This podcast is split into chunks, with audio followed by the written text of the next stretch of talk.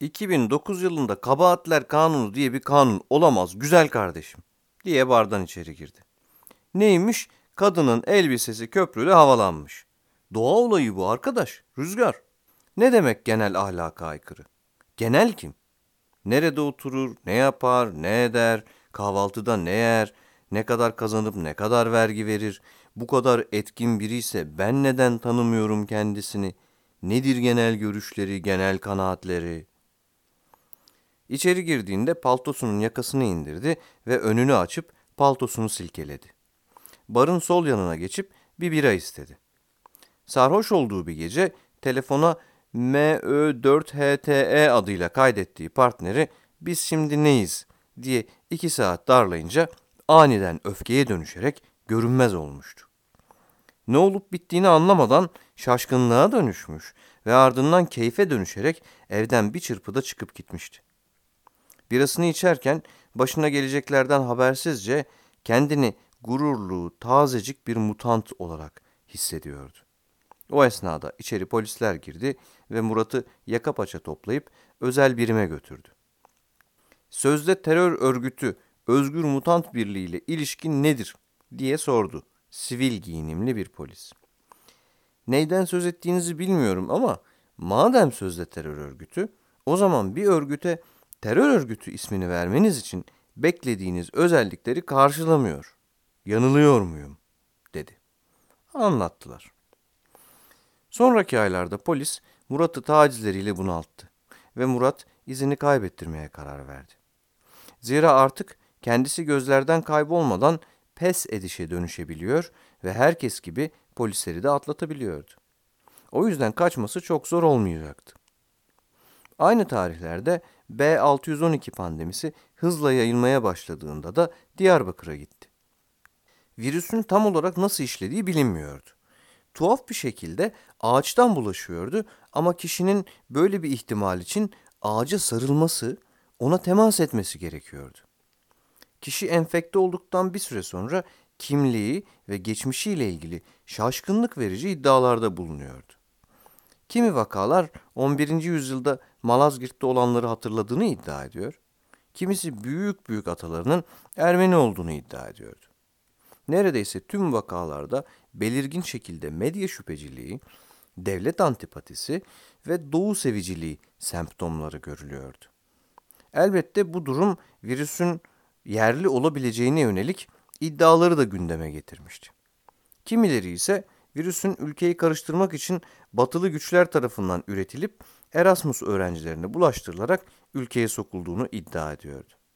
Bu önemli tezi savunan Konyalı bilim insanları tez çürütülmesin diye tarhana tekniği gibi geleneksel yollarla tezi koruma altına almayı da düşünmüşlerdi pek tabi.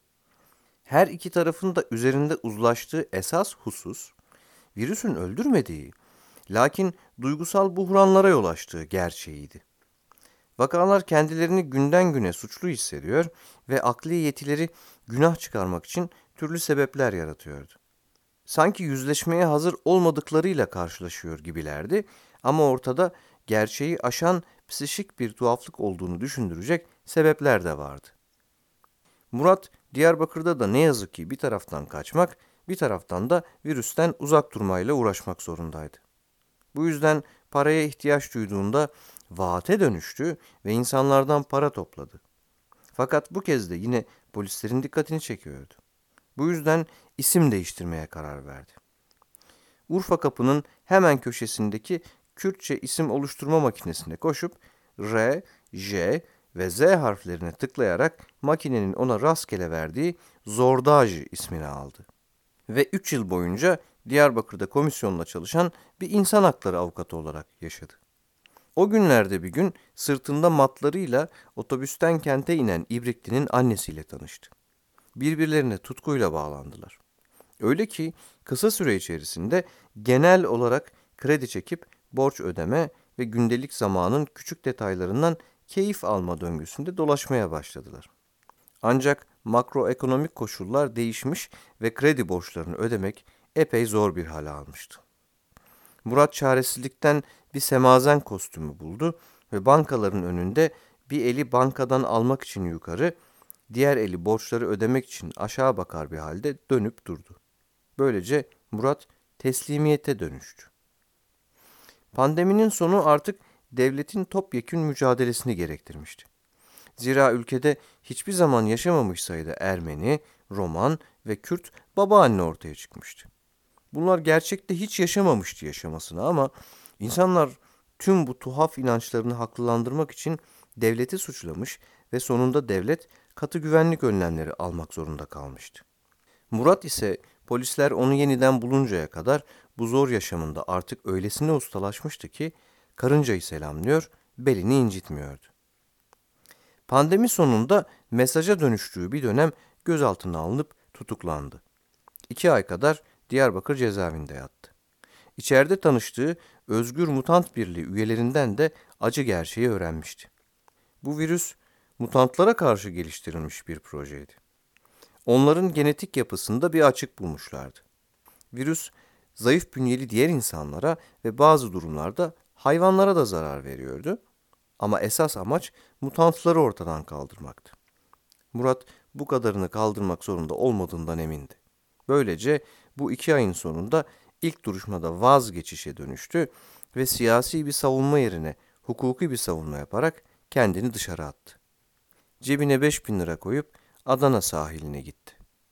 Suya girdi ve ilk tutunduğu yerde kaldı. Önce fabrika atıkları kapladı üzerini, sonra yosunlar. Ardından midyeler gelip üzerine yapıştı.